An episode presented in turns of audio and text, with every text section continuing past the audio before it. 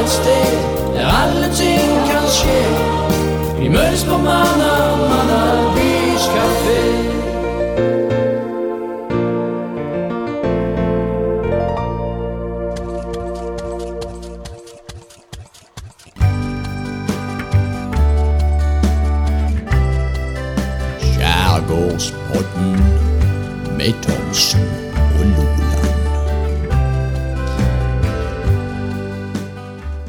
Nå fikk jeg veldig lyst til å rope ut sånn som eh, onsdagsbandet gjør hver sommer.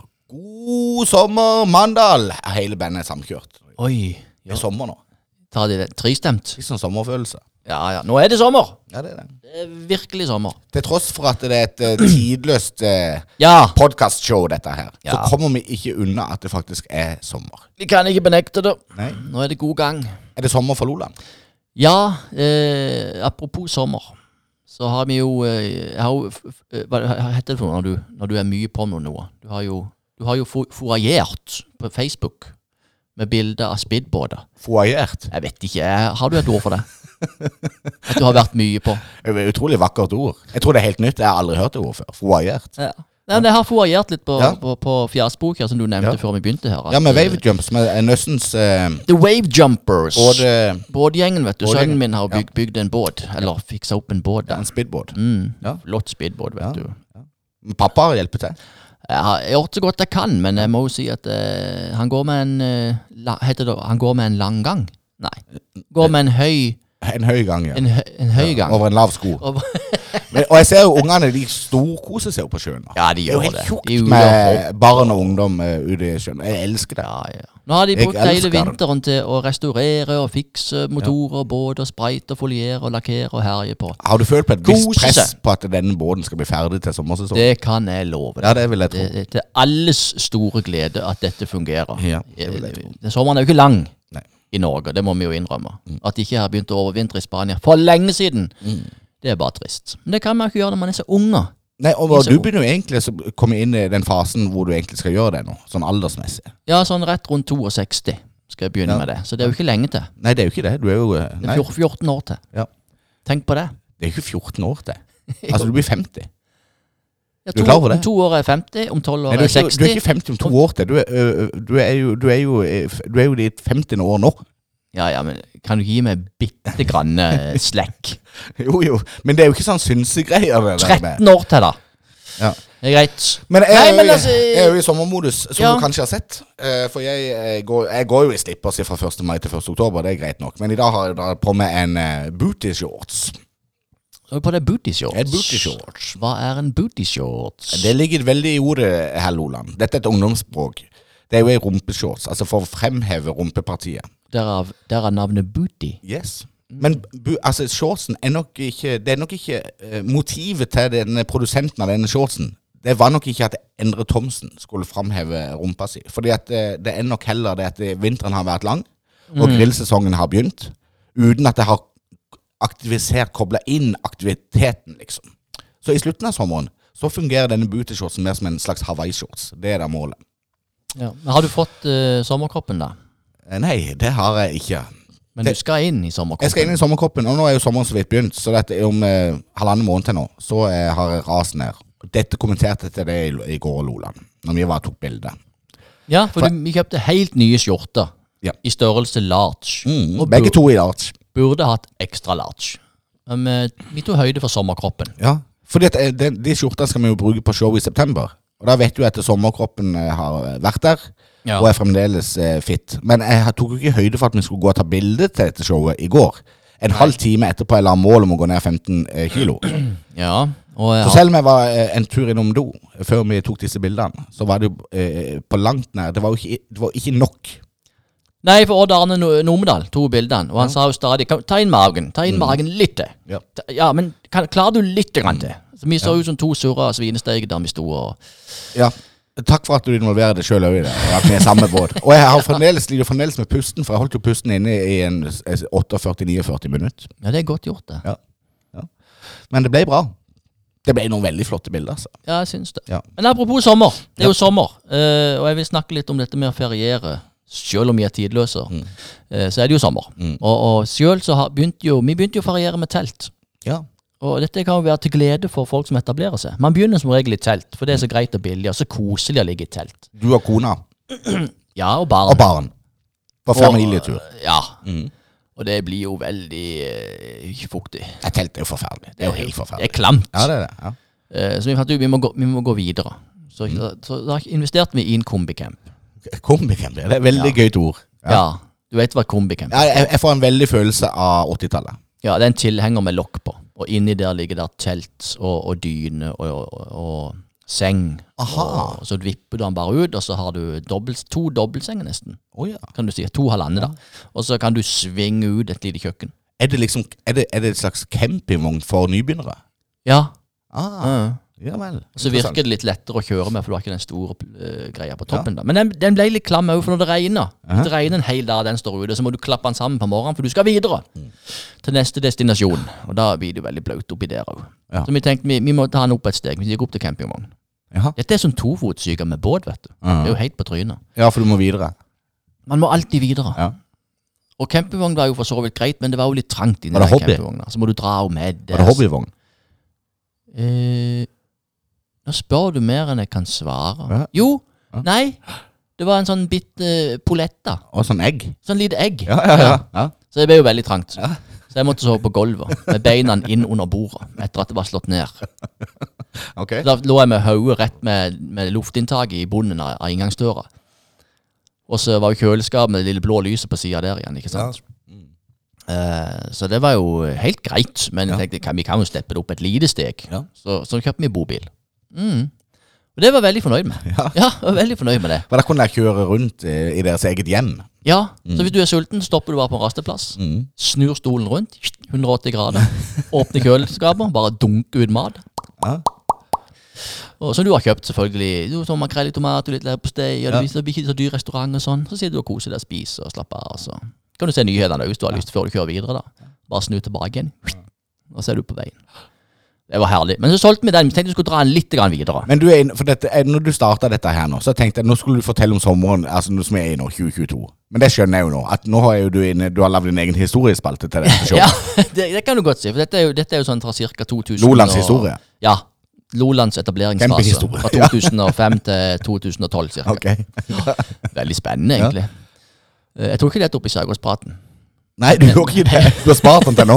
Jeg er veldig glad for det. Jeg har spart den til denne helt spesielle episoden. her. Skjønner. Ja, ja. Så vi dro den litt videre, og så kjøpte vi hytte. Mm. Og det var jo der vi gjorde tabben. Hvor var du den gangen når Lolands fortalte om campinghistorien sin? Det er det, det som blir det nye. Og var bra kan bare gå og legge seg. Ja, ja, det, det, det er yesterday's news. Ja. Nei, Så der kjøpte vi hytte, da. Ja. Eh, hvis du vil høre resten. Ja, ja. ja. Og, men så fant vi fort ut at den hytta har jo ikke hjul. Nei. Den står jo dønn stille på samme plassen hele tida. Så åssen skal du komme deg til Ullared, som jeg sier? Det var det du sa til Linda når dere satt og gynga der ute på den hytta her. I gynge, hver sin gyngestol. Åssen skal vi komme oss til Ullared? Ja, Ja. vi har gått på en kjempesmell. Ja. Så da har vi solgt hytta igjen. Og, og, og er ikke på jakt etter en kombicamp. Men, eh, men kanskje vi kan finne en grei bobil etter hvert. ja. Så det er som en slags sirkel. Ja, sirkelen er slutta. Ja.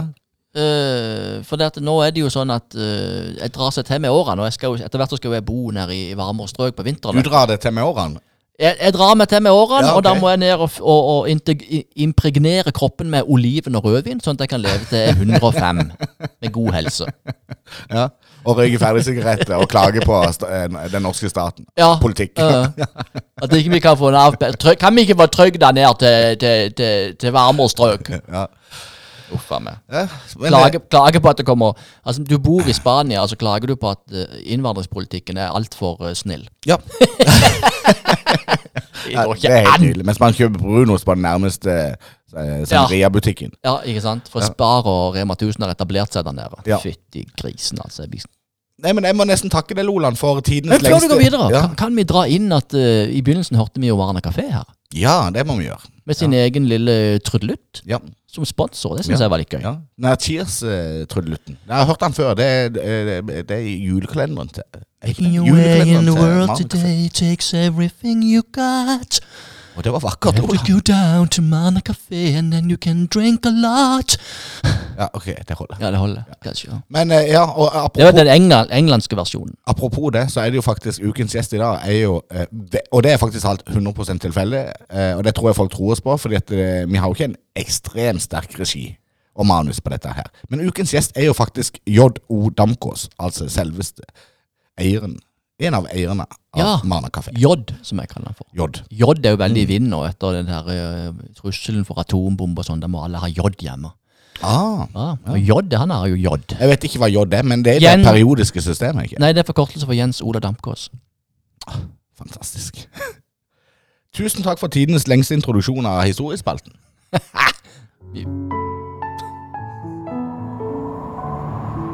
Mandal. 100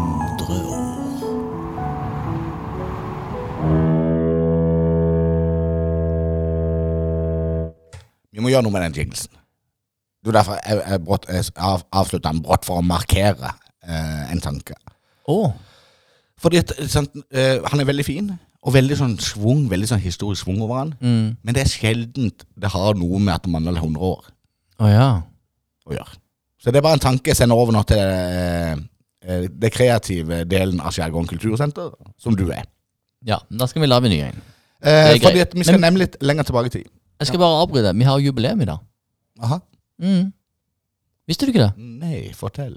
Det er andre gangen vi spiller inn masse stæsj på podden, og så har ikke du trykka på play. ja, det er det.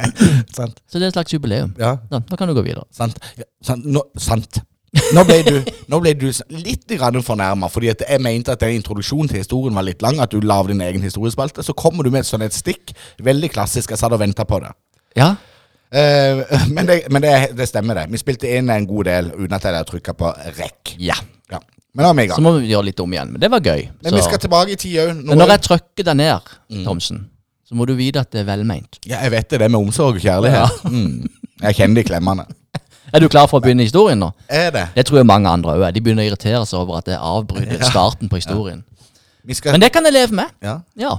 Mandal har jo en svært rik historie, og til tross for at Mandal by kun nå i året 2022 kun er 101 år gammel i forhold til bystatus, så er jo Mandal som handelssted og eh, ladested langt, langt eldre. Mandal. Tusen år. Det blir det nye. Det er ikke så langt unna. Men vi skal tilbake til eh, midten av 1700-tallet, og vi skal snakke om eh, dødelighet. Spesielt barnedødelighet. Uff. Ja, det er uff, men historien er jo sann. Altså, Vi må jo eh, fortelle historien sånn som den er. Og så var det sånn at på 1750-tallet i Mandal, så eh, plutselig så økte levealderen. Veldig positivt. Levealderen ble, eh, ble høyere og høyere. Og Dette var i 1750 Rundt der. 1750-1760. Var det noen pandemi som hadde forsvunnet da? Hadde det vært noe sånn eh, nei, nei, i forkant? nei, nei. Nei. Ekstrem tilvekst av mennesker til Mandal. Arbeidsledigheten var relativt høy. Industrien begynte å etablere seg. Det kom masse mennesker til Mandal i disse årene. Og majoriteten av de som kom, var mellom 11 år og 50 år. Og i de årene der, mellom 11 og 50, så er det jo naturlig relativt lav dødelighet, normalt sett. Ja. Så derfor økte levealderen i Mandal. Mm. Men så var det en del mørketall der. Eh, og så var det sånn at eh, fram til 1773 så opplyste presten aldri om dødsårsak, med mindre eh, det var drap eller drukning.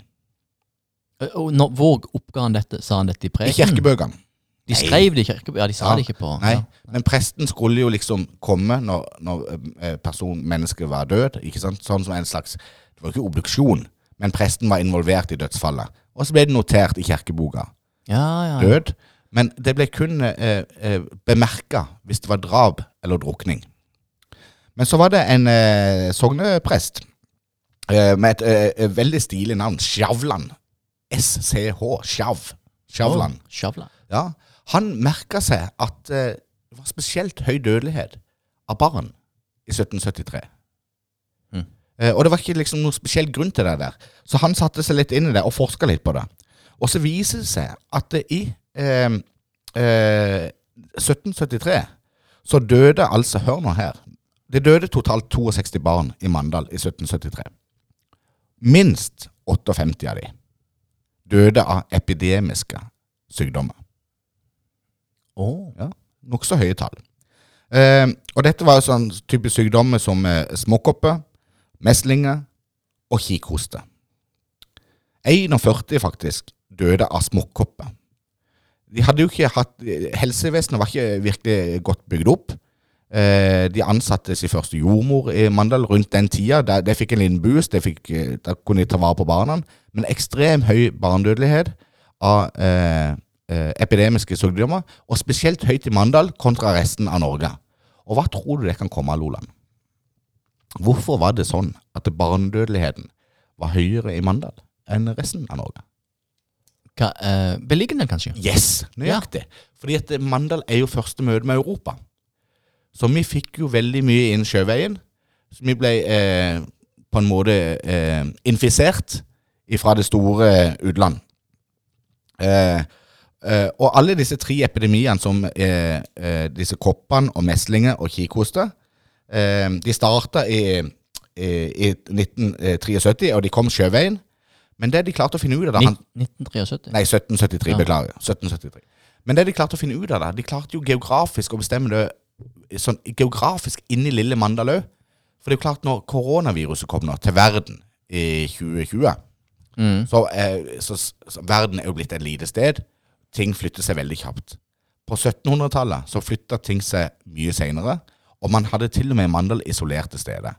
Og det viser seg at i begynnelsen av året der, det første barnedødsfallet i 1773, det forekom på Malmö. Her vi sitter nå, altså på hedningssida, på høyre side av elva. Ja. For det var ikke broforbindelse. Og først flere måneder seinere så ble dette viruset, denne epidemien, dratt over elva til byen. Og så spredde det seg der, og så døde det eh, i løpet av tre måneder så døde det eh, mer barn enn det det gjorde det neste halvannet året av epidemier.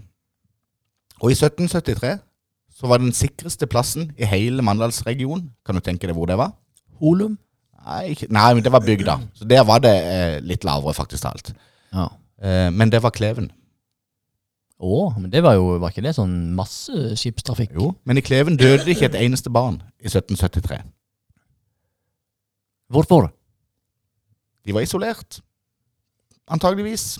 Ja. Dette var jo kanskje etter seilskutida. I don't know. Men eh, det var nok ikke det, trafikken. Handelsstedet var jo i Mandal. Eh, Men, men, men, så det- eh, det sånn seg rundt eh, her. vaksine Ja, nei, det var, det var jo svært dårlig med vaksine på den tida. Eh, så det, det, det var jo eh, det, det, spredde seg jo som ild i tørt gress. mm. Eh, og det er klart, eh, når 58 av 62 barn dør av epidemi, det er jo forferdelig høye tall. Og jeg syns det er en liten tankevekker i forhold til det vi har vært gjennom de siste årene. Hvor vi blir veldig sensitive i forhold til epidemier.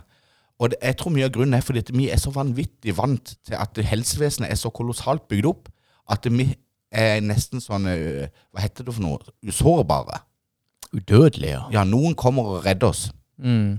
Jeg fikk den samme følelsen gang, nei, første gang jeg var i Kenya.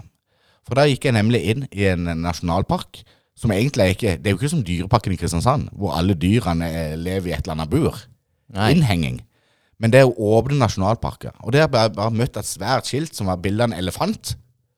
Og så sto det bare eh, bilde av en, en finger inn i munnen på elefanten, og så svært kryss over. og så, da var det liksom overgitt til deg sjøl. Eh, Ja. Ikke stikk fingeren inn i munnen på elefanten. For øvrig kan du gjøre som du vil. Ja. Eh, og når jeg gikk der, så ble jeg faktisk litt engstelig. For plutselig gikk det opp for meg. Hvis det da kommer en flokk med elefanter For en gang så, så jeg nemlig 39 elefanter i en, hel, i en flokk. Ville elefanter. Og hvis de kommer mot meg, så, så jeg, vant, jeg er jo oppdratt til å tenke sånn Ja, men da kommer det jo noen da. dyrepassere. Ja, og jage de vekk. Og jage de vekk, Ja, ja, eller ja. trøster meg. Og si 'dette er ikke farlig, dette er bare en del av showet'. Mm. Men det er ikke noe show. Og sånn var det nok litt når epidemien òg kom til Mandal på 1700-tallet. Vi hadde liksom ikke, vi var ikke rusta til å ta det imot. Så det var ikke sånn at eh, alle andre tok ansvar. Så der er vi nok blitt mer sårbare, sånn følelsesmessig. Vi har vanskeligere for å takle epidemien nå i 2020, tror jeg, som følelsesmessig, enn på 1700-tallet. For da var det dessverre en del av livets gang. En naturlig dødsårsak for svært mange barn, dessverre. Jeg er jo veldig glad for at vi har rusta opp helsevesenet og gjort alle disse tingene. Mm. Men allikevel så er det verdt å tenke på, tenker jeg. Det er jo At vi har levd i en tid hvor eh, vi var mer sårbare enn nå. med, med stø større fallhøyde. Ja. I dag er det jo veldig Vi er jo uh, iallfall ungdommer og sånn som ikke har levd så lenge, er jo veldig sånn at de, nå må de stille opp. Nå, nå må staten stille opp. Ja. Nå må kommunen komme og hjelpe oss. Nå må helsevesenet finne den medisinen. Vi er veldig kjappe til det. De, de, de Ja, skal ordne alt. Det er en skummel uh, holdning, sånn. Og så går vi nærmest i fakkeltog hvis vi føler oss urettferdig altså, Hvis ikke vi klarer å behandles, liksom, eller uh, et eller annet sånt. Så er det jo selvfølgelig mange sykdommer som jeg syns er helt forferdelig i 2022 at ikke vi blir kvitt. Altså eh, eh, kreft som rammer barn, eksempel. Sånn. At det, Ja, ja, det er mange sånne ting som jeg, syns vi burde ha kommet lenger med. Men samtidig så har vi kommet utrolig, utrolig langt. Men så er det mange, syk, det er mange sykdommer som sprer seg fordi vi er uforsiktige òg. Ja da. Eh, liksom det er blitt veldig lav terskel for det ene og det andre. Ja. Og da sprer sykdommene seg. Men du, Ja. vi snakka om prest. For så, så sa jeg, ja, sa presten det liksom eh, eh, på gudstjenesten? Mm. At de leste opp de som var døde og sånn, da. Men, for jeg hørte at før i tida så leste presten opp eh, kriminalsaker. Sånn som du kan lese loggen til politiet i avisen. Ja. Så på søndagen så sa presten liksom at det har skjedd sånn og sånn, og de og de er arrestert, bla, bla, bla. Kan det stemme? Har du hørt om dette? Nei, jeg har ikke det. Men det kan godt stemme, det. For det er jo klart at kirka hadde jo en sterk posisjon, og var jo kanskje den Ja. samlingsarena nummer én i samfunnet. Mm, Det var det jeg ville fram til. For før så gikk alle i kirka på søndagen. Ja. Uh, ja, for de hadde ikke helsevesenet, men de hadde Gud. Til og med hedningene. Og det var ikke bare for å høre Guds ord. Det var jo for, For å å få info. info, Ja. om hva som skjedde i bygda. Så der må bare kirka hive seg rundt. Ja, At de kan bli en sånn opplysningskilde igjen. Ja, Ja. Lese opp de, de, viktigste nyhetene fra Lindesnes avis den siste uka. Ja. Og dødsannonsene. Ja. Har ikke det vært en lurt? Kjempeidé, Lola. Kjempeidé. Det er så mange gode ideer. Altså, mye forskning, vet du.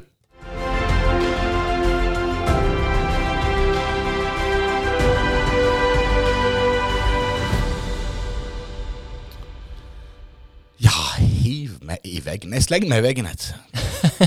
Vi jeg går gode på ord og Nei, uttrykk. men jeg, egentlig så er jeg veldig god på det. Men nå har jeg adoptert en del av dine, for du har forstyrra veldig mange av de ord og uttrykkene. For jeg bare Ja ja, jeg skjønner hva du mener, tenker jeg inni meg. Ja, så når, går du bare hiver- videre. når du setter sammen tre forskjellige uttrykk i ett, og så skal det gi mening. Ja. Men du, eh, en ting som eh, fascinerte meg når jeg kom på kontoret i dag, Ja. det er at jeg ble jo møtt av et eh, særdeles eh, strukturert eh, kontor. For av og til så er du inne, og du har vært inne og lånt printeren, og da var liksom ikke bare printeren i orden, men resten av kontoret òg, for du er veldig til å shine opp. For du har jo litt sånn tvangstanke på det med Nei, det, sånn. det er faderlige handlinger. Og det er det, ja. Det, du gjør det av omsorg og Ta med kjærlighet. det lille bodden. Ja. Det lille bodden inni hjørnet der, som Ja. ikke klarer å rydde. Men det som fascinerte meg mest, det var at jeg plutselig fikk øye på eh, en slags sånn eh, origamikunst. Er det det det? Origami? Eh, Heter det det? Brettekunst. Er brett, japansk brettekunst. Ja. Fordi at eh, jeg, jeg hadde en Rema 1000 søpp- eh, sånn pose, som plutselig lå eh, bretta sammen som en liten svanunge på Ja. kontorpulten. Og det er jo mine japanske evner. Ja, Der, ble- der ble jeg veldig fascinert. Ja, Og det er jo da du bretter deg. Ja. I, som jeg lærte når jeg var på studiereise til Japan. Ja, Og det gjorde du jo ikke, for jeg har nemlig notert meg hvor dette kommer ifra. Og det er jo eh, din fetter Tore Grundland, som ikke har drevet eh, origamikurset i Japan. Han var, Nei, han var med og starta eh, Nua brygghus, men han har ikke vært i Japan og drevet med brettekunst. Neida. Men Grundis-metoden, som jeg kaller den nå, Grundis-metoden, ja. Ja. Det er det Den går på å brette sammen som noen poser, og det er utrolig ordentlighetsbasert. For motivet er vel at eh, du skal få plass til eh, flest mulig poser inni sånn en eh, hylle. Skuffe eller skap. Folk, folk har jo alltid en skuffe eller et skap når de lukker opp, og så rauser de ut med 800 plastikkposer. For de bare blir Ja. dytta inn flere og flere og flere. Og hvis du bretter de på denne måten, så blir de like store som en fyrstikkeske. Ja, jeg vil jo nesten si frimerke. Det er jo helt ufattelig Ja. eh, fascinerende hvor liten den plastikkposen kan bli. Så da får du plass til 100 poser i en bitte liten skuff. Ja. Og så kan du ta de ut og bruke de som pyntegjenstander rundt i huset. For som du, som du sa, denne hadde jeg bretta som en svane. En gang så bretta jeg kanskje som en sjiraff. Eller som en liten andunge. Ja. Så Så handlenettene våre som vi skal selge på showet vårt Jeg ønsker jo at du skal eh, Samtidig som vi selger disse handlenettene, så skal vi benytte anledninga til at du, eh, får uh, ut dine uh, japanske kunster med å lage ei utstilling. I forskjellige At du har hele dyreriket. Det er som å komme inn i, i, en slags oase av dyreriket. en kenyansk naturpark. Kenyansk naturpark hvor du har designa alle disse forskjellige dyrene med hjelp av våre handlenett. Det, det er bare å glede seg. Ja, det er noe å tenke på. Nå gleder jeg meg òg. Ja. Ja da. Men vi må videre. Vi må jo det. Ja. Vis han hosten. Ja da, ja da, ja da. Jeg syns jo at hvis du har sånn en skjærgårdspod, så kan du jo invitere gjester. Noen som har utmerka seg eller noe. Ja, det syns i hvert fall jeg, så.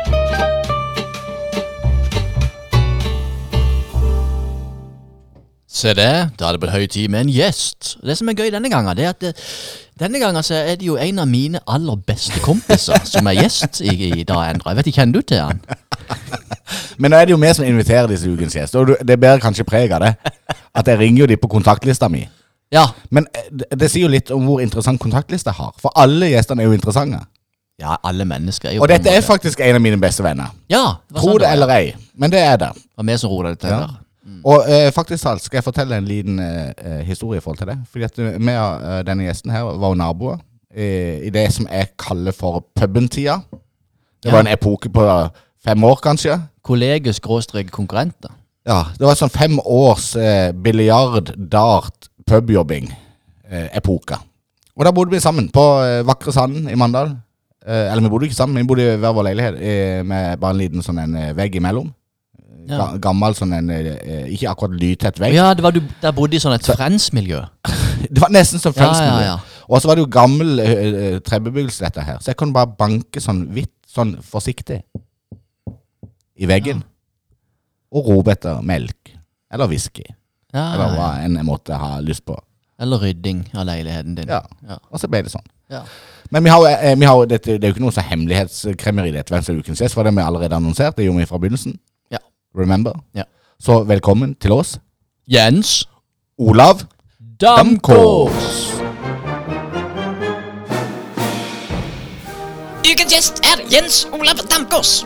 Han driver restaurant, men også med show og konserter.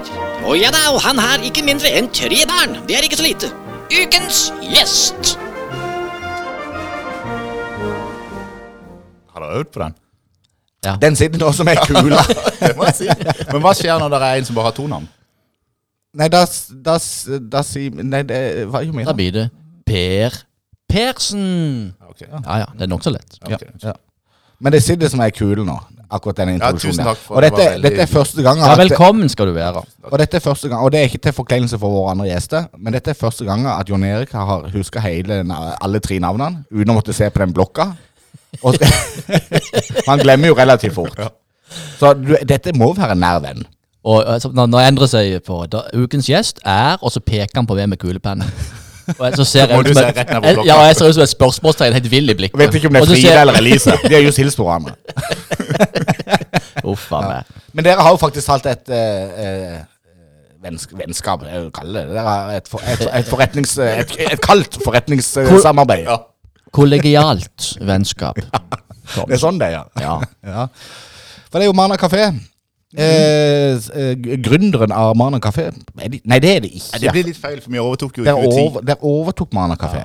Den ble jo bygd i 2001. Jo da, men det ble revitalisert Veldig. når du og Thomas Magnussen overtok. Det er jo ikke feil å si. Nei, Nei. det er ikke, det er ikke feil å si. Men er det Marna Kafé som er ukens gjest, eller er det Jens Ola? Det er Jens Ola. Ja. Skal vi plassere han litt, sånn for folk som aldri har vært på Marna Kafé? Litt sånn syrlig, retorisk spørsmål. Jeg er jo mer enn Marna kafé, det er jo viktig. Jeg er jo et Ja, helt menneske. Dette er jo en ung gutt som er blitt kalt for Dampen opp igjennom. Ja. det vet jo ikke jeg hvorfor han er blitt kalt på det. Og, og vokst opp på Skjepstad. Det stemmer. Ja. Hvorfor, hvorfor blir du kalt for Dampen? For Etternavnet mitt er Damkås. Det, det er eneste grunnen? Ja, ja. Jeg visste ikke om du drev med damping, eller Og så ble jeg Nå så- nå for så jeg- Gamledampen òg. Gamle Dampen! Ja, ja. Etter den der båten på Mjølsa. Ja, der, ja. Dampen! Ja, Det var veldig der bra. kom det noen gode minner. Og det var veldig bra du kom med den tilleggsinformasjonen der. For dette, når han spurte hvorfor blir du kalt for Dampen Nå hadde han, jeg, jeg så det på han, nå hadde han forberedt en fire-fem minutters prat rundt det, og han ble helt tom. Jeg ble skuffa når jeg var bare på grunn av Jeg navnet. hadde forberedt at Jens Ola skulle prate i fem minutter om det. Ikke meg! Jeg skjønte det. Ja. Ikke noe sånn naturlig oppfølgingsspørsmål der. Men nå kom jo du med gamle Dampen, så som var utrolig sånn podkastvennlig også. Ja. Er du like, er du like gammel som Endre? Jeg er eldre. Du Mye. eldre. Jeg er mest på din alder. er du så nærme? Ja, jeg, jeg, husker, jeg husker jo når jeg var sånn Jeg kan ha vært eh, 15-16 og sykla til idrettsparken for å se Endre spille fotball. Når han briljerte på midtbanen og skrev autografer. Men han er jo faktisk født på det glade 70-tallet. 79. Å ja, helt til slutten, ja. Så jeg så for meg at dere var barndomsvenner og hadde vokst opp sammen og spilte på Nei. MK sammen. og... Det gjorde vi ikke. Men MK var jo en link her. Ja. Eh, for det var jo eh, eh, Hva var det hette? Grønt Forum? Grønt Forum. Grønt Forum. Eh, Ja. Linsnes eh, nærradio. Bortekampene til MK. Da satt jo eh, Thomsen og Dampen i studio og hadde Rune Lone som kommentator på bortekampene. Og så var vi et slags sånn Kall det for ekspertpanel. Ja. Eh, noe som var altså et ekspertpanel. Det var i radioens tid før podkast. Det var før podkast, og vi hadde Øystein Reinersen eh, på eh, teknikk. Han gikk jo på eh, Gimle på Mediehøgskolen eh, og var veldig dedikert. Eh, og satt og ropte 'PFU, PFU' hver gang vi dro. liksom A4-ark som han klaska i rug da, hver gang vi gikk over streken. Gikk over streken. Liksom. Åh, Ja. Måtte vi passe oss. Ja. Det hadde han lært på skolen. PF. Ja, Pressens faglige utvalg. Hm? Pressens faglige utvalg. Han var redd for at vi skulle anmeldes, bli anmeldt til Pressens faglige Med utvalg. banning og syr? Nei, det, hvis vi sa noe stygt om noen. Ok. Og det var ikke sånn at vi snakka stygt om folk. Det var ikke det som det gikk ut Det med. var jo vi- mer, også Reinersen hadde lyst til å markere at han Ja. hadde lært seg om disse reglene. og sånn. Ja, for dette har jeg hørt på eh, når, når Endre Thomsen ikke var spiker på NK-kamp. Så sa han andre spikeren at eh, de skulle ta en spiller som heter Josef Innocence. Og så s- fulgte han opp med Ja, og han er sikkert nokså uskyldig. Og da ble det noe sånn Det var ikke det likte bra. ikke den uh, Sarpsborg-benken. eller Nei, to, det var ikke noe greit. Det var ikke gøy. Det var ikke morsomt. Nei, Nei. Iallfall ikke fjerde gangen. Men uh, før Marna kafé Hvis vi går mange år går vi tilbake, da. Uh, 2010, 12 år tilbake i tid. Hva gjorde du før det? Før Marna kafé? Ja. Jeg jobba jo på, på Jonas Beggelåsen, det som er Smøy nå. Gjorde du det? Jeg jobbet, så begynte, jeg tok jo fagbrev som kokk på redaktør. Å ja. Du flippa pizza der. Jeg, ikke på redaktør, men på, på Jonas gjorde jeg det. På Jonas, ja. På redaktør så hadde det stekt mye burgere, stort sett. Da flippa der burgere, ja. Sammen med mange av de som er Altfor mange av de som er der nå. Ja, det er mange som henger igjen der. Og ikke minst Jan Borger Halvorsen. Altså Borger. Kjøkkensjefen. Han har vært der i 22 år. Han, han ble ansatt seks måneder før jeg begynte. Ja, I 2099 eller noe sånt. Så du har vært i matbransjen hele veien? Det har Ja. vært ditt kall, på en måte? Ja, Siden jeg kom fra militæret i 2000. 2000 var jeg ferdig. Ja, for det har du jo tatt videre, og det har jeg lyst til å prate om. Altså, eh, din tilværelse som kommandosoldat. Ja. Eh, for du er jo eh, Det er ikke lenge siden du var i avisen. Eh, em, du hadde ikke like kul tittel som din makker Ronny Hansen, for han hadde jo en, en tittel som jeg aldri før har lest. Liaison-offiser. Liaisonoffiser er. Liaison-offiser. Ja. Det er ikke så kult. Hva er det for noe? Det er å liasonere mellom det militære og sivile samfunn. Å, Og, og sy det sammen? Ja. Ah, ja vel. Nei, det var ikke så kommandoaktig. Nei, nei, veldig- Men hva er din rolle i Sivilforsvaret? SK Er det, nei, er det Heimevernet? Nei, Ja, inn- i mikrofonen. Sivilforsvar. Jeg har jo faktisk en, jeg har jo en forhistorie. Nå skal jo ikke dette dreie seg om meg. Du har jo vært oberst i Sivilforsvaret, du, Thomsen. Snarere tvert imot. Jeg nekta å møte til tre ukers sånn eh, camping så Sivilforsvarets campingskole på Lillehammer. Eh, samme uka som jeg skulle overta Sjøbonden i 2012, så ble jeg plutselig av en eller annen merkelig grunn kalt inn til Sivilforsvaret. Det er etter jeg har gjennomført førstegangstjeneste. Og jeg, ikke bare nok med det, jeg var jo både i Forsvaret og i siviltjeneste. Jeg følte jo virkelig jeg hadde gjort min plikt, og jeg hadde ikke tid til å dra på dette her. Og så ringer de fra eh, Mandal politikammer. Jeg må komme inn der. 12. august i 2012, samme dag som jeg skal overta Sjøboden. Jeg må komme inn på avhør. Og da har de fått et sånn militærpoliti, sånn som du var, fra Kjevik, som satt med en svær bunke med papirer og skulle liksom fengsle meg for at jeg ikke hadde møtt en sivilforsvarer. Så jeg sa bare jeg legger alle kortene på bordet. Det er helt sant, jeg er skyldig. Eh, Jeg tilstår alt. Jeg har ikke tid til å si det her. Eh, Og så kom det i avisen dagen etterpå at Mandalsmannen dømt i krigsrett. Det er ganske alvorlig. Fikk Det fe- er 5000 kroner i bot. Jeg fikk 1000 kroner i strafferabatt siden jeg hadde tilstått. Det lønner seg å være ærlig. Så det er jo min, eh, eh, min eh, Det militærhistorie. ligger nok på CV-en din ennå. Gjør nok det. Men eh, du har, eh, hva, hva slags rolle du har da i Heimevernet? da? Det er nestkommanderende i Lindesnes. Og det er tøft. Det er jo hakket over lier eh, sånn eh, offiser. Ja, hva, det er jo en grad her under går her. Det er løytnant. Ja, ja. Løytnant, ja. ja. Er det under kaptein? Det er rett under kaptein, ja. Det er to, to, stjer, to stjerner. Oh, yes. Ja. Så egentlig så bør Lola gå opp i rett. Ja, jeg burde jo egentlig. Oi, oi, oi. Neida. Ja. Det er jo Jo bare da. noe vi gjør på deltid. Ja. Ja. ja, for det er ikke fullt Det er ikke det som definerer meg. Nei. Men i krig, Ja, er det sånn at Heimevernet blir de kalt inn da for å Eller er det sånn ja det blir det. Ja, de gjør det. De blir jo ikke bedt om å låse dørene og holde seg hjemme.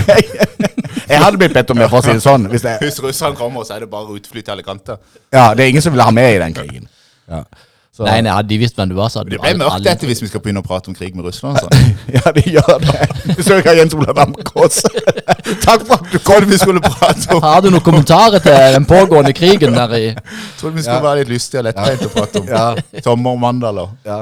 Men jeg syns jo det er, litt, det er litt gøy, liksom, når det er, en, når- det er jo sånn vårtegn. Når eh, Jens Olav Damkås og Ronny Hansen og co. løper rundt i sentrum og leker krig. Jeg syns jo det er litt eh, Det er litt sånn vårtegn over det. Apropos Jeg vil jo påstå at vi ikke vil i krig. da. Nei, ja, selvfølgelig. Det var litt feil. Vi trener til eventuelle kriser. Ja. det er vi veldig glad for. Vi setter veldig pris på det. Jeg føler meg veldig trygg. Men uh, Når du holder juleshowene, standup-show i andre etasje, føler du deg veldig trygg når Jens Ola står på kjøkkenet. Ja, og du ja. vet at han har våpenskapet fullt hvis det skulle smelle. løytnant Damkås er i lokalene, så hold dere i ro. Yes. Uh, men apropos sommerstemning. Du gjør jo mer enn å la, gi mat til folk. Mm, vi prøver jo å dra i gang noen konserter. Ja. Mandal har jo vært en sånn konsertby. En live. Det var vel snakk om at vi skulle liksom prøve å gjøre Mandal til live-hovedstaden i Ja, Norge. litt, litt vel ambisiøst. Ja, Men men, det var, det I var forhold til bystørrelse ja, så var det et ærlig forsøk. Du var involvert med Sjøboden. Ja da. Eh, Erik Romland var vel den som lanserte ideen. Det ble egentlig Absolutt. aldri realisert helt, men det var, det er mye, det var mye live på den tiden. Spesielt for fem- ti-fem år siden Ja. var det helt ekstremt. Med mye gratiskonserter. Det har vi hatt på, på, på Marna siden vi starta. Jeg overtok i 2010. Da begynte vi disse tirsdagskonsertene, som jo egentlig var altså, en blå kopi av onsdagskonsertene. Ja. Men vi mente det var en marked, og det var der. Ja. Eller det er der lenge. Eh, så kom jo pandemien med alt det innebar. Eh, vi måtte tenke litt nytt. Og så eh, skulle jo det komme en ny vår. Eh, så vi lanserte jo Broparken. Fikk lov til det under visse vilkår, og etter det var litt styr å få til. Men vi fikk det jo til. Kommunen er jo villige. De vil jo at det skal skje noe. Så vi hadde første konsert eh, på tirsdag i Boreparken. Mm. Da snakket vi altså nå juni Ja, jeg synes 2022. sommeren, Vi hadde jo påskeaften med blant annet uh, Nordland. Eh, med jubelong orkester, Det de lave strålende stemning. Ja. Så det var, det var stas, det. Ja, for jeg gikk forbi, og da var det jo helt band. For Han har jo vært der mye alene, han busserullen. Han er Ja, Gunnar Andersen. Ja, når han har dette Busserulls jubelongorkester, for de er jo ikke tre Busserulls lenger, de er vel, eh, det er vel bare han igjen. Ja. Så han har fått til seg noen nye musikere. Det, det er, men det er jo de samme sangene. Og så Ja. og var jeg, jeg var jo innom, faktisk, og da var det jo eh, eh, Raffineriet òg. De spilte jo de spilte de varme opp. et lokalt eh, band med Oddleif Steinsland i spissen. Synger tøffe viser. Ja, det var nokså tøffe viser. Det var mandalsvis med en eh, vors- eh, vis- svung. Jeg vil, jeg vil kanskje si litt sånn hardrock-tilnærming. Mm. Ja. Men er det er kult. Bjørn Hunt eh, og spille piano. Ja. Nei, det var, det var stilig. Det var bra. Det var deilig å komme i gang. Men eh, for å bli kjent med mannen bak Mannen kafé, Jens Ola Damkås Vi må tilbake der. Oh, ja. Du, du har fått et lass med barn. ja. Åssen har det liksom harmonert med denne restauranttilværelsen? Altså, eh, Nå går jeg ut fra det eh, Hvis du snakker både på, vegne av din fru og du sammen, liksom. For det er vel to forskjellige svar her. Sånn. Jeg, jeg bruker et uttrykk ganske ofte som, heter, som er sånn middels. Middels, ja. ja. Og det, er- det passer godt. ja. Eh, Eh, For jeg husker nemlig når, jeg husker liksom når barn nummer tre kom. Ja. For det greide du å planlegge til å komme midt i juli, òg på toppen av det hele. Midt i den eh, verste rushtrafikken for eh, restauranten. Jeg, eh, vi hadde jo eh, Var kompanjongen din Thomas Magnusson var han imponert når du uh, fortalte det at uh, min kone venter barn i juli? Da, da hadde jeg vel kjøpt ut. Å, ja, da hadde jeg kjøpt den ut. Ja. Ja. Det, var- ja. Nei, uh, min kone Ja. Um, vi hadde jo tenkt det når vi hadde fått to, at kanskje vi skulle prøve på en til. Og så er jo ikke, jeg er jo ikke ung. Nei. Jeg tenkte vi må bare stå på litt. Og så sier vi det. Men, men, men, men hvis vi skal ha nummer tre, vi skal ikke ha den på sommeren. Det orker jeg ikke. Så det er greit. Det, det skal vi klare å få til. Det er, vi er så fruktbare at vi skal klare å time det. liksom. Og det er ikke noe sånn at vi måtte holde på et år for å prøve det. Så var det en, en dag, da. Hva var det som gikk på TV den oktoberkvelden? Nei, jeg vet ikke, men det var Det, det er verst. Jeg, jeg, jeg måtte, kona mi kommer sikkert til å bli litt muggen. Men vi var, vi var i Unnfangelseskveld! Ja. Hva skjedde unnfangelseskveld? begynnelsen, av, begynnelsen av oktober så var vi Nei, i slutten av oktober så var vi i Danmark. Ah, Og så sitter vi i bilen og kjører med to unge i baksetet, og så sier kona Oi, hva er det for noe? Jeg har ren feil. Så hva, hva snakker du om ren feil? Husker du Ja. onsdagen i forrige uke? Aha. Ja, takk for det. Det var veldig hyggelig. Satte jeg pris på. Ja. Ja, jeg hadde, jeg hadde jo ikke eggløsning da jeg trodde jeg hadde. ja. Så jeg, ok, gratulerer med barn nummer tre. Ja, hun, vi har jo trodd vi skulle hatt oss litt sånn, Ja. sikkert. For dette du kan, det vet jo sikkert du. Uh Du Du kan ikke bli gravid hele tida. Nei. Det er noe med liksom Det er visse sykluser Ja, ikke sant? ja, Det er jo egentlig bare Så du må treffe for å bli gravid. Mm. Så var det rent seg fram at det var trygt, da. Ja. Så er det rent feil. Så da ble det nummer tre. ja. Og Dårlig stemning blant de røde pølsene den kvelden i Danmark. Ja, Ja, det, når det, det er gjort, ingen som, det, ja, det er ingen som er klar for Det er ingen som er klar for å bli far, men alle fikser det. Det enkelt er det. Hva er alternativet? Du kan ikke putte den inn igjen. Nei, fin konklusjon, det. skal- Nei, er det gjort, så er det gjort. Skal du ha flere, eller skal dere ha flere?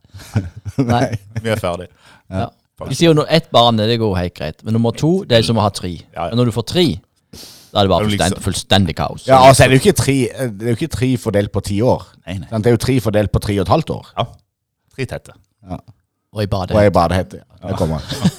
Takk skal du ha. Tre gutter, da, eller? Nei, det er to guder og så jente. Ja. Ja. Det er jo perfekt. Ja, ja, det er det. Men du, dette var veldig, veldig hyggelig. Men eh, tida løper rett og slett fra oss. Gjør hun det? Ja, ja hun gjør det. Så vi har nødt til å ta farvel med herr Damkås. Men, men før vi sier farvel, hva, hva bringer framtiden? Er det Marna kafé neste tiår? Eh, I hvert fall en stund til. Ja. Vi skal, Og så skal vi jo ha noe juleshow og noe sånt. Ja det, er noe, det er ikke noe å snakke om. Nei da, vi skal Framtida ligger nok på Maler kafé enn så lenge. Eh, Men, eh, men eh, jeg ser jo det at Det hadde vært gøy med sommerferie. Jeg har ikke hatt sommerferie Ja. siden 2001. Nei. Og vi har det med å prate mer Damkås. For dette, jeg var jo inne og gjorde en opptreden der i forhold til et eh, firma som feirer 100 år. Herre min hatt og flott det var. Ja, og det, altså folk lo det, eh, Folk lo så det rista i Vi slo både i og tak. veggene. altså Det har aldri vært sånn en stemning i andre etasje på Maler noen gang før. Jeg har hørt ryktene, ja. Ja. Så vi må ta en prat om det. Så jobber jeg i juleskjør med Endre Thomsen i, på Mane kafé. Fem helger til Vet du hva, helt ærlig, Dennis. jeg- det må jeg bare si. Så bra var det ikke. Ja, ja. Takk for at du kom, eh, Takk Jens for at jeg fikk Ola komme. Damkås. Det var særdeles hyggelig. Det var gull! Og så må du ha lykke til videre i sommer, og med eh, Bodnan og alt som er. Og ikke minst eh, i forhold til eh, potensielle kriger. Takk for det.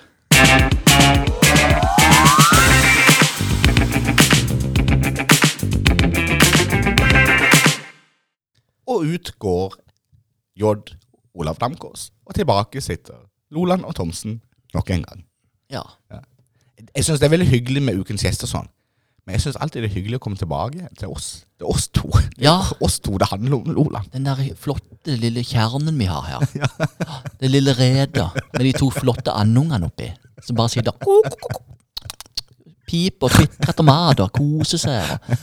Men svanemor er ute på jakt etter mat, eller sånn der ålegress som de skal hente. Ja, I går så jeg en veldig gøy eh, sånn serie på Netflix, en sånn svensk serie, Loven Enarkai, eller et, en, et eller annet sånt. heter Utrolig fest. Eh, Men det gøye var, var en sånn scene inni der hvor jeg, går på date, og så finner hun ut i løpet av daten der, via en annen person, ei venninne, at bare så du er klar over det, den daten er jo liksom en kjekk mann, sånn kjekkas. Han liker å bli behandla som en katt. Sier hun- Sier hun det på kødd? Nei, Men er det sant? og så prøvde hun seg liksom, så, så kom de to sammen der på kvelden, hjem til henne, og så kikker hun på han, og så gjør hun sånn. Og så ser han bare helt dum på henne, og så gjør hun sånn. Mjau, mjau. Og så hekter han seg på. Og så ser du bare i neste Ah, ja. scene, så løper de etter hverandre og gnikker hverandre seg mot ryggen, de klør hverandre på ryggen. de begynner å klare seg, og så hopper de etter hverandre. Og dette er jo inne på et kontor hvor hun jobber. Og der sitter jo en sånn en eldre forelegger på sånn 65 år og holder på å jobbe. Og så ser han bare ut med et sånn tomt blikk ut av vinduet der. Og så ser han disse to som løper etter hverandre som to kattunger og mjauer på hverandre. Magisk eh, Match scene. made in heaven. Ja, det var match made in heaven, altså. Det var veldig fint. Men du, jeg har eh, en, en sak som jeg må ta opp med deg. Ja. For jeg har vært litt bekymret for deg i det siste, Lola. For meg? Ja, Ja, så flott. Det Eh, setter jeg pris på. ja. Eh, og dette må du vite. Dette er med 100 ren og skjær omsorg og kjærlighet. Eh, men det var jo Vi har kommentert det før. Men du fikk jo Før. men du fikk jo eh, et avslag. Nå er det ikke meninga å hive salt i såret. Men du søkte jo om litt sånn koronamidler. Ikke sant? Ja, det er fortrengt. Dette er bare for å statuere For det, Jeg kunne tatt et annet eksempel. Men så var det jo det at du gikk litt sånn eh, i kjelleren på det. Og når jeg liksom to dager seinere spurte det Ja vel, eh, blir det ikke gøy med noe juleshow igjen snart? Nå er det liksom et halvt år til vi begynner å planlegge juleshow. Ja, dette var jo på forrige episode. Ja, ikke noe vits med noe juleshow. Skal ta tape 100 000 hver gang? Vi kan jo ikke ta dette opp i hver eneste Nei, episode. nei, men jeg må ta det et hakk videre. Det er det som er poenget. Ja. For jeg er såpass bekymra. Jeg, jeg er redd for at dette skal gå utover din eh, mentale helse. Og jeg, det er jeg egentlig redd for, at det skal gå utover forholdet mellom meg og det.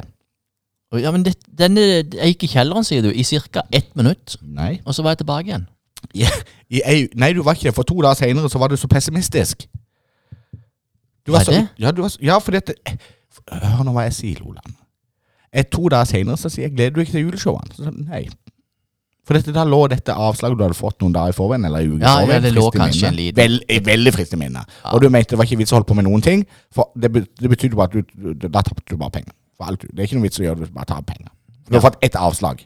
Gjennom din karriere på 22 år så har du fått ett avslag som er med på å så kjøre deg rett i kjelleren. Og Derfor har jeg veldig lyst til å ta dette opp et tak, for å høre om det faktisk er noe fare med denne pessimismen. Det, jeg vet jo at ikke det er Dette det. mørksinnet. Jeg, jeg har jo glemt Nei, men La oss høre med doktor Lindland. Det er han.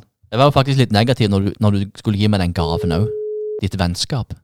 Du var det? Ja, Gi meg den, da. Få den. der gaven på bordet.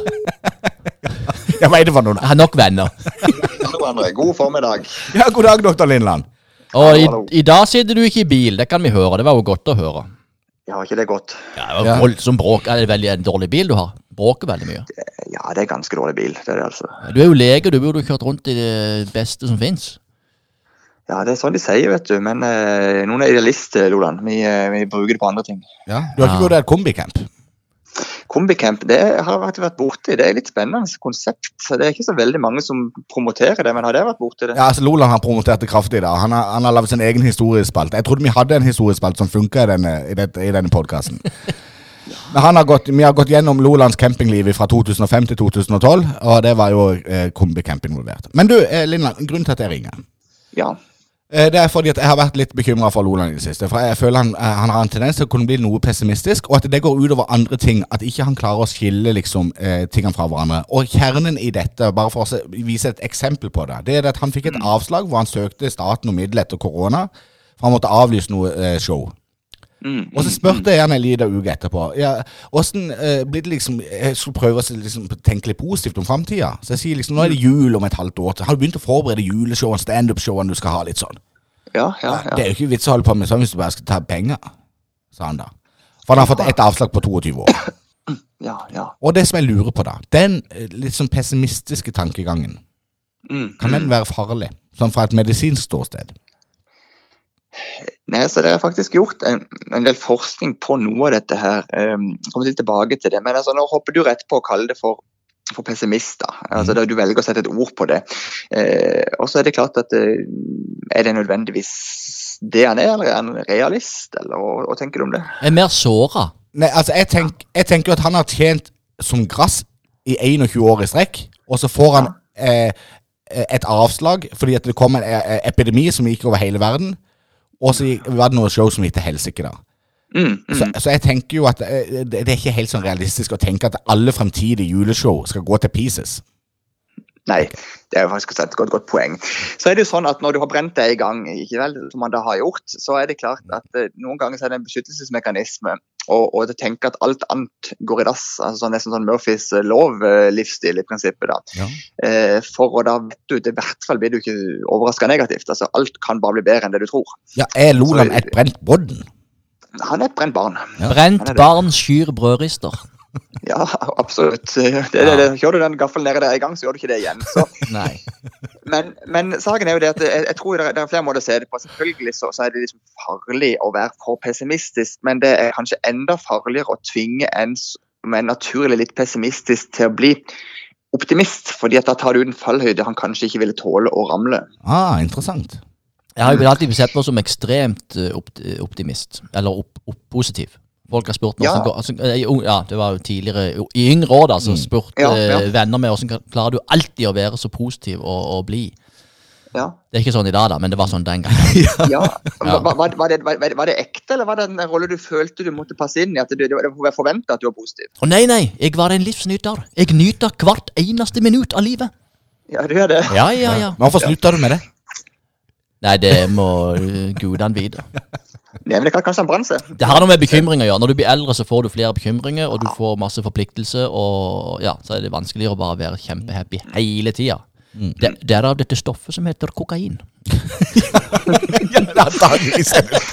Men apropos farlighet, så gjorde de en stor studie i Østerrike, faktisk. Ja. Og, og det viser seg der at det er faktisk dårligere ø, overlevelse og dårligere funksjon hvis du prøver å tvinge en pessimist til å agere optimistisk, og tilsvarende hvis du tvinger en optimist til å agere pessimistisk. Så Sånn sett så tenker jeg jo det viktigste poeng her er å kanskje mm, være ærlig med seg sjøl på hva du har det best med. Og så er det jo sånn at en, en lykkelig pessimist er jo bedre enn en, en sur eh, optimist. Oi, den er interessant. Den er dyp. Ja, Og nå fikk jeg jo endelig en aha-opplevelse. For at nå tenkte jeg nå kan jeg være egentlig en sånn en, eh, katalysator eh, for noe som kan være farlig. Hvis jeg prøver nå om, å omforvandle eh, en pessimistisk Loland til å bli positiv mot hans vilje. skal være forsiktig med det, for det øyeblikket da han gjør det, og det da viser seg at den pessimistiske grunntanken var riktig, så har du på en måte flytta han opp på et kjempe, kjempehøyt eh, skap, og så hvis det der skapet røskes vekk, kan han ramle og knekke et eller annet, så er det egentlig medskyldig. Oi, himmel og hav. Ja, ja. Men dette var interessant, for når du sier det eh, Jeg nevnte jo sånn eh, stoffer, da. Narkotiske stoffer. Ja. fordi at eh, når folk ikke takler hverdagen for det er så mye press, så- så tyr de til sånne ting. Jeg gjør jo ikke det, da. Men kanskje folk kanskje må ty litt mer til realiteten. Jeg tror jo det, altså hvis en legger lista der at en, en, eh, en har en slags eh, realistisk eh, forventning og holdning, så, så, så vil det da å sånn sett da møte utfordringene bli lettere enn om en har tatt en sånn slags nasjonalromantisk uh, håpsstil hele veien. For det er klart De håpene de kan briste ganske mange ganger, og da blir det som du sier da lett å ty til kunstig stimuli.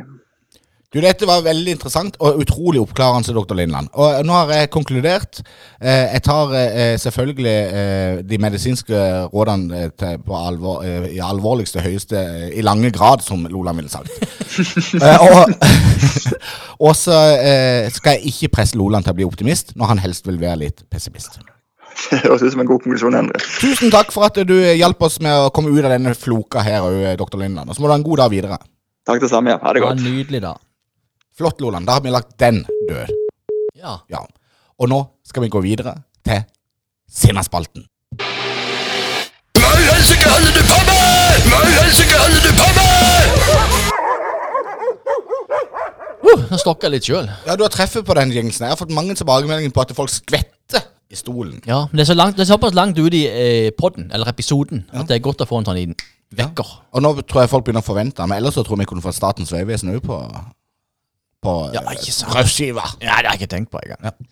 Nei, altså, hva helsike holder du på med? Og hva, det er det jeg sier. Hva helsike holder du på med når, når eh, man skal samle inn penger? Eh, for ungdommene skal reise til Polen eller til Danmark eller pokker de skal reise hen. Det vet du ikke! Men når da man skal få inn penger til dette, så skal foreldrene settes i gang med en voldsom forretningsoperasjon. Med å selge dasspapir og sokker og er det annet du kan kjøpe? Kaker og spylervæske og alskens lort og drit. Og det er greit nok at de skal prøve å få inn noe penger, disse ungdommene, så de kan få råd til å reise på tur. Men hvorfor er det foreldrene som skal ringe rundt til sine venner og mase og gnaule for ungene mine skal selge noe? Selg det sjøl! Hvorfor er dette en sånn foreldrebelagt greie? Foreldrene skal selge disse dassrullene, de skal ta imot penger for disse dassrullene, foreldrene skal kjøre ut disse dassrullene tre måneder etterpå når de kommer, til alle de som har kjøpt. Jeg kunne ikke vært mer enig. Er det mulig? Jeg er veldig glad for at du tok dette opp. Jeg er så lei av det! Altså, men Hvis det kom en tolvåring eller to kompiser eller to venninner på døra, og så hadde de med seg noe sånn 'Vi skal selge dette, for vi skal reise på tur'. Velkommen. Med Skal tårer som er den kinnet. Ja. der skal jeg få penger, jeg skal kjøpe Mandariner kan de kaker. òg få. Ja, ja, ja. Ingen problem. Men det, er- at det er så typisk den generasjonen at det skal bare legges over på foreldrene, så ungene lærer ingenting igjen.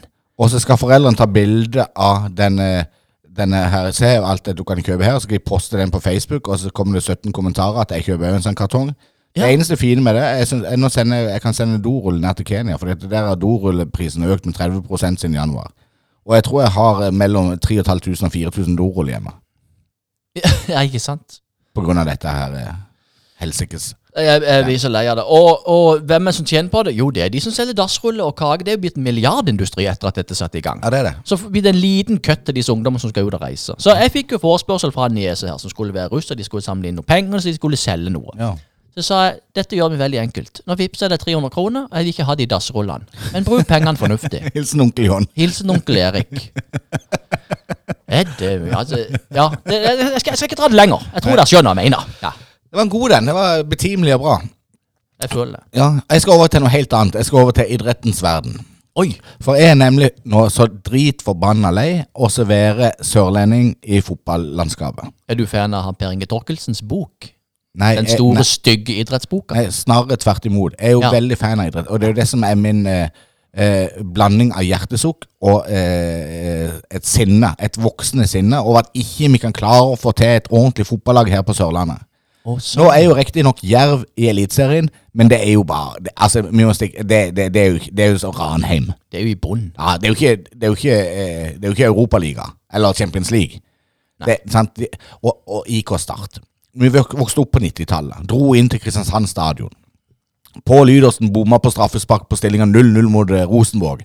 Og allikevel så vant de 5-0. 12 000 sørlendinger sto sammen, hånd i hånd, og feira og jubla over eh, Sørlandets helter, som de liker å kalle seg for der inne i Kristiansand. Det er bare noe vas. Det er 900 stykker på tribunen. Eh, han er der, der eh, sportsvaskeren Bransdal har subsidiert alle sammen med billetter. Det er ingen entusiasme, det er ingenting, det er ingen landslagsspillere, det er bare vas hele, over hele linja. Det eneste fordelen med det, det er at breddefotballen har jo fått en ny svung i mitt liv. Jeg har mye heller lyst til å reise inn til Tangvall og se Søgne spille mot Vigør i hjemmekamp på en kjedelig 0-0-kamp, og jeg ville fått mye større glede av det. Og så stikke innom denne slakteren i Søgne og kjøpe fire wienerpølser til ti kroner stykk. Enn å reise inn til Kristiansand stadion for å se Start bli pissa på i en eh, Obos-liga. Men jeg skjønner det ikke. Hva er det, som- hvor har det gått galt? Fordi at vi er jo Sørlandet er Sørlandet. Det er den varmeste plassen. Det er som Spania i Europa. Hvorfor vil ikke spillerne ned og spille for Start? Fordi dette har jeg svaret på. Det er veldig bra at du spør professor Thomsen. Fordi at det er Start eh, Eller de, de som styrer den klubben der, har- jeg har en mistanke om at det er nesten som eh, Rikard Marinakran, som Nils Reidar Christensen ville sagt. Amerikanerne. Som amerikanerne. De aner ikke hva som foregår på utsida av Lund. De er ikke interessert, for de skal fikse alt sjøl, for de er eneveldende. De skal ikke samarbeide, de skal ikke gjøre noen ting. Hvorfor er det ikke et flaggskip her på Sørlandet som MK har lyst til å samarbeide med, og som Lyngdal har lyst til å samarbeide med? For før i tida, når Alf Kåre Tveit, gamle vikinglegenden, når han var på Kristiansand stadion, og, og, og mange av disse andre, så folkevandra jo folk fra Flekkefjord. Når, MK, når jeg spilte på MK i første divisjon, så kom det folk fra Egersund for å se på MK sine hjemmekamper. Fordi at vi samarbeida med alle klubbene rundt, og alle disse her eh, i regionen. Ja, ja, du hadde liksom én en sånn stor uh, for, forbilde, da, som alle hang under. Yes, og det er der de må gå. Jeg tror Rosenborg har hatt litt sånn oppe i, i Trøndelag. Men de prøvde dette for et år siden. Da var det noe sånn helt nye takter i start. De hadde bytta ut hele styret, og de hadde bytta De hadde gjort mange ut, ganger. Mange ganger, Hva- det hver Men de blir så fulle av seg sjøl. Er det, men, ja, det er mentaliteten som er til tror jeg. feil. Det tror jeg, jeg tror mentaliteten er stein feil. Det er de absolutt feil folk i de riktige posisjonene, eller hva man kaller det. for. Ja, ja. Det var jo dette Jesper Mathisen skulle ta tak i, men så måtte, skulle jo han på TV. Ja, ikke Så sant? fikk han jo ikke tid til det. Nei, så kunne han ikke det. Men det, det første de må gjøre, de må ut i breddefotballen. De må ut, de må gå på besøk til idrettsparken, de må se hva som foregår, de må bli kjent med klubbene, de må playe klubbene, de må investere i klubbene. De store klubbene og aktørene må ta tak i lokalfotballen. Og de må skape en entusiasme som gjør Og dette er jo egentlig helt, alt det jeg strider imot, fordi at eh, egentlig så eh, Når jeg spilte i MK, sånn, så ble Start sånn hovedfiende nummer én. Men det må være sånn at det flaggskipet på Sørlandet, det må være noe å strekke seg etter for alle barna. Alle barna har lyst til å spille på det beste laget på Sørlandet. Ja, sånn bør det være. Ja. Det burde være sånn. Og hvis de får til det, så er Start oppe. Eller MK. Men det er naturlig at Kristiansand, som den største, Norges fem største by, har et lag oppe blant de fem beste lagene i Norge. Sånn som det er per dags dato. Det er helt fullstendig utenkelig. Og fram til det skjer noen ting, og jeg tror ikke det skjer noen ting, fordi at eh, det starterne er så fulle av seg sjøl, så vil jeg reise til Vågsbygd, og jeg vil reise til Hellemyr, og jeg vil reise til Lyngdal og ny plass og se lokalfotball. Ja. Og spise noen lunkne grillpølser fra i fjor. Der er iallfall jeg. Sånn er det med den saken. Ja, det er så godt å være ute, vet du. Ja.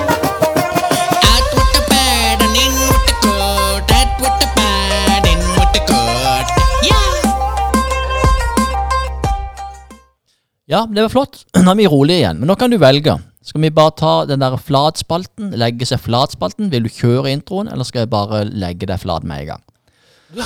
Du skal legge meg flat? Ja, ok, nå er jeg veldig spent. For det, egentlig så skulle vi ikke ha legge flat-spalten i dag. Men Nei. du har forberedt noe her, skjønner som jeg ikke aner hva er. Ja. Og, men nå ble, nå, nå ble jeg faktisk litt uh, redd. ja det bør du bli, for du har gått på en Jeg- kjempesmell. Jeg skal legge det flat. Ja. Men da tror jeg nesten det fortjener en intro. Ja, jeg tror ikke han er så lang, så prøv det.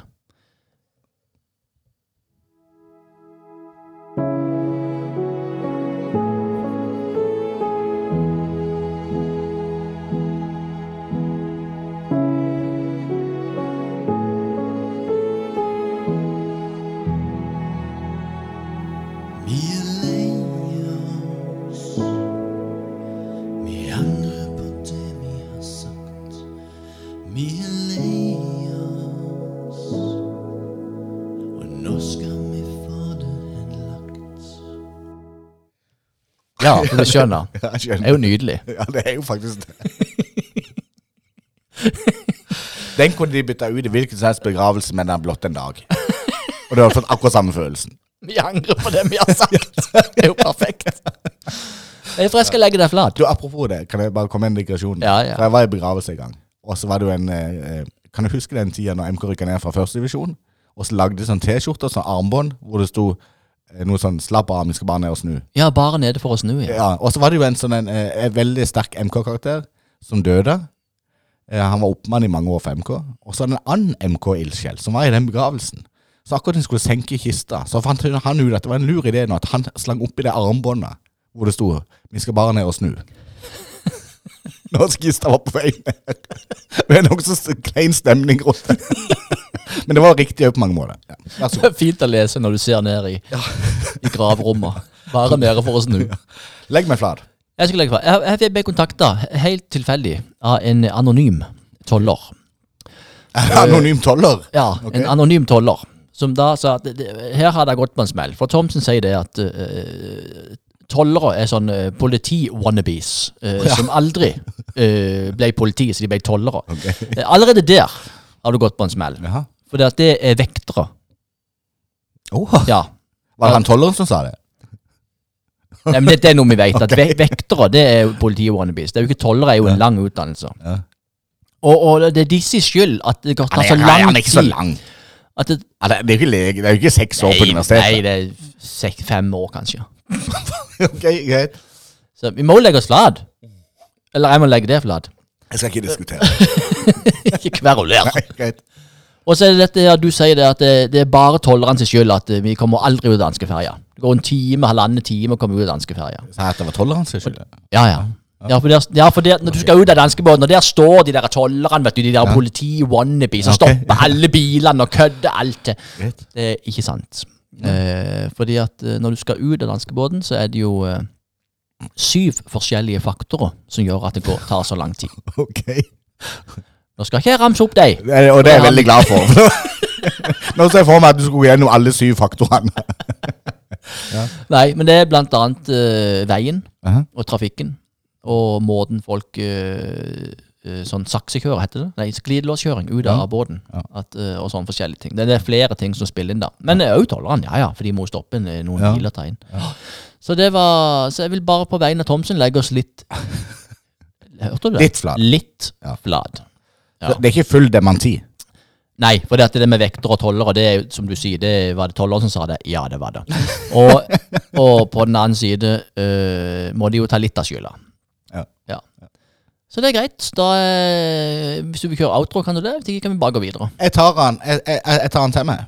Ja. Eh, Skal og, du legge med, Flad? og de, når du tok opp dette med faktorene Nei, jeg skal ikke legge det flat i det hele tatt. Jeg har ingenting å legge det flat for. Nei. Men når eh, du tok opp dette med faktorene, så gikk det faktisk inn i det. Gikk inn i meg. At det, her er det jo, altså De kan ikke ta ansvar for at Statens vegvesen ikke klarer å lage en ordentlig Hvis det ringer noen fra Statens vegvesen til det nå om å legge meg flat neste uke, for nå gir hele skylda til Statens vegvesen. Men jeg skjønner det er flere eh, syndere her. For Ja. at vi bruker så jæklig lang tid. jeg har, blitt, jeg har jo blitt tatt for å drive med veldig mye enkel forskning. Ja, Altså, det er det du har. Så, så nå tror jeg det, for det var litt enkel forskning du hadde akkurat der.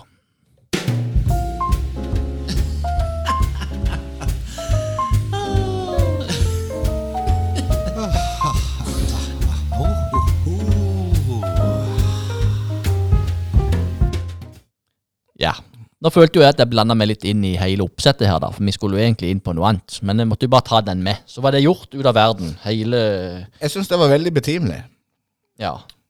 Eh, absolutt. Det var jo godt. Ja. For nå skal vi til noe eh, Vi skal videre til disse her hjerte... ja det, det er en stund siden vi har hatt det. Eh, Hjerte til hjerte?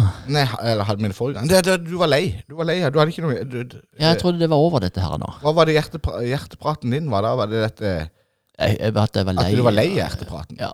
Og så ble han jo nokså eh, tårevåt og rørende, egentlig. ja. For når jeg sier jo at vi er alle i samme båt, så, så syns jeg det holder. Er ikke det greit? Jo. Da, vi, da legger vi det Alt er dødt. Men det er jo på programmet som vi skal kjøre hjerte til hjerte i dag. Ja da. Ja, men la oss gå til hjerte til hjerte. Ja, Så det er ikke noe å vente på sånn sett.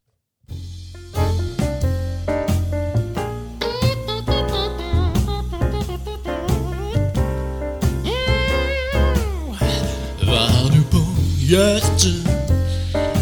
Endre Thomsen. Mm. Hva har du på hjertet, gamle Loland-mann?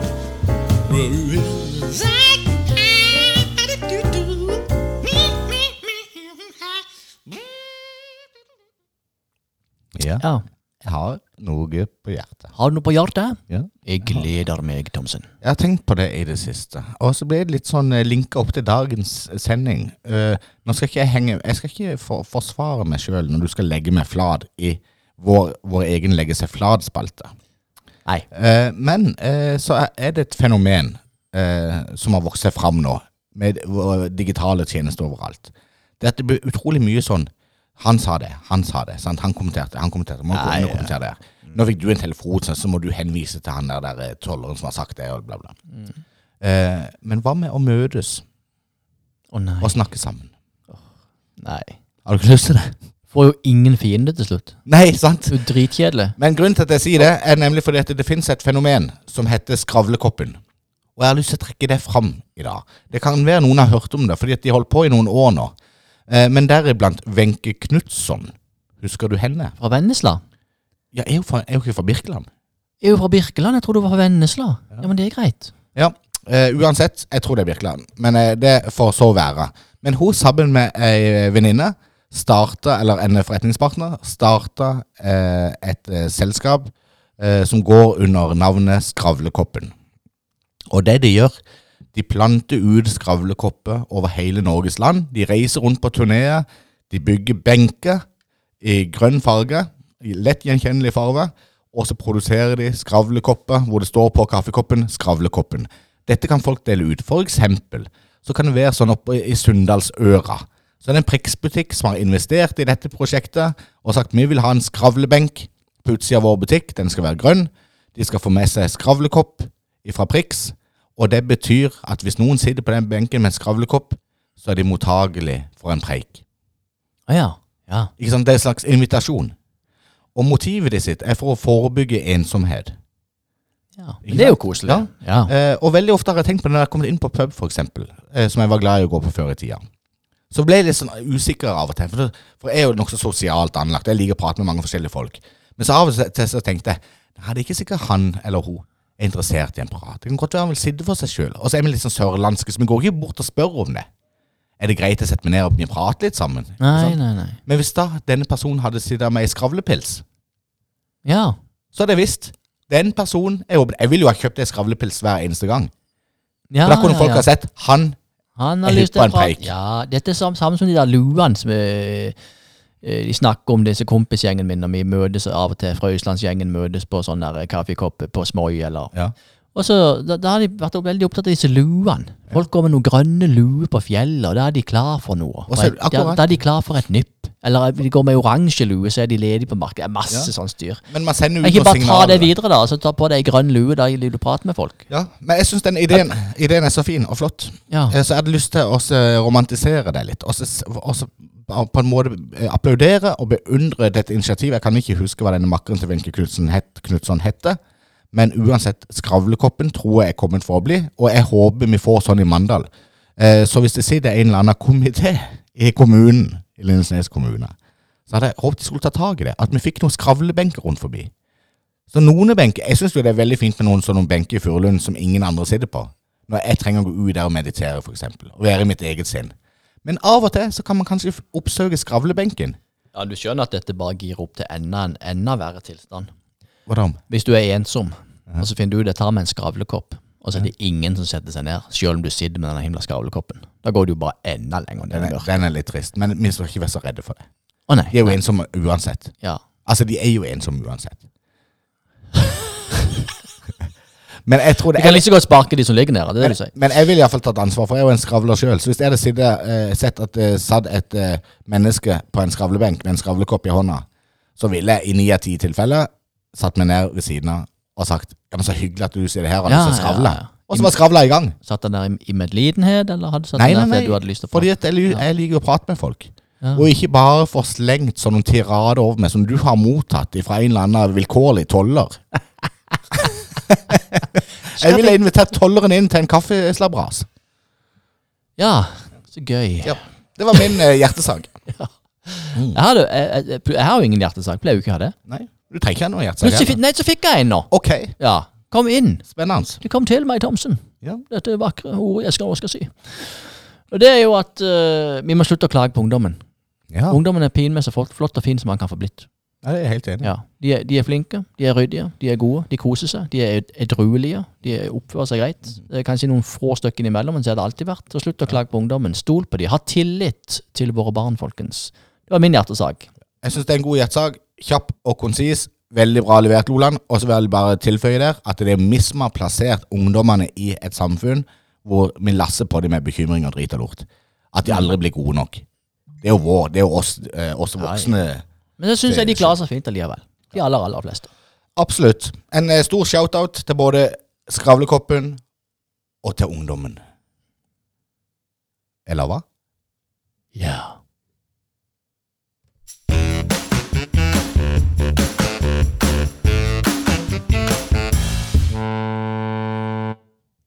Som vanlig, vi har vært gjennom mye all slags i dag. Mye opptak uten å ta opp, og inntak uten å gå ut, og hjertesak selv om ikke det var noe hjertesak. Ja. Det bare baller på seg. Men hva skal vi gjøre nå? Nå skal vi bare ta den der siste Nei, vet du hva vi skal gjøre? Nei. I dag? Vi skal på skjærgårdsvandring. Ja, det skal vi gjøre i dag, ja. Ja, vi skal det. Det er Sola skinner jo over Mandal by, så vi skal ut på skjærgårdsvandring. Følg oss på YouTube, for der legger vi opp filmene nå. Ja. Og når denne eh, episoden ligger ute, så ligger det faktisk den siste skjærgårdsvandringa, som er eh, en tur til vakre Uranienborg, 62 meter over havet, med utsikt over hele denne sørligste byen i Norge. Sammen med ni andre filmer som ligger ute på, eller vandringer da, som ligger ute på YouTube-kanalen Skjærgården Kultursenter. Og Der kommer det mye annet slags eh, gøy over. Ja. Men eh, tusen takk for i dag, herr Loland. Ja, det badler på seg, som de sier. På det Vestlandet, det badler på seg. Mer og mer og mer. Stau now pow, alle sammen. Ja da. Nei, takk for i dag. Du, kan ikke du avslutte med den vitsen? Hæ? Den vitsen. Eller er litt drøy. Nei, han er ikke drøy. Den som eh, Damkos, vet du, sa at han husker du hadde hatt standup-show på Marna. Å ja, ja, ja. Ja, For jeg sier jo eh, eh, eh, at når, når jeg var liten, så var vi så fattige at vi må, måtte gå inn med søpla. Eh, vi var til og med så fattige at hvis det ikke våkna opp med morgenbrød, så hadde jeg ikke noe å leke med den dagen. Fantastisk. Ha ei god uke, folkens, og så høres vi igjen.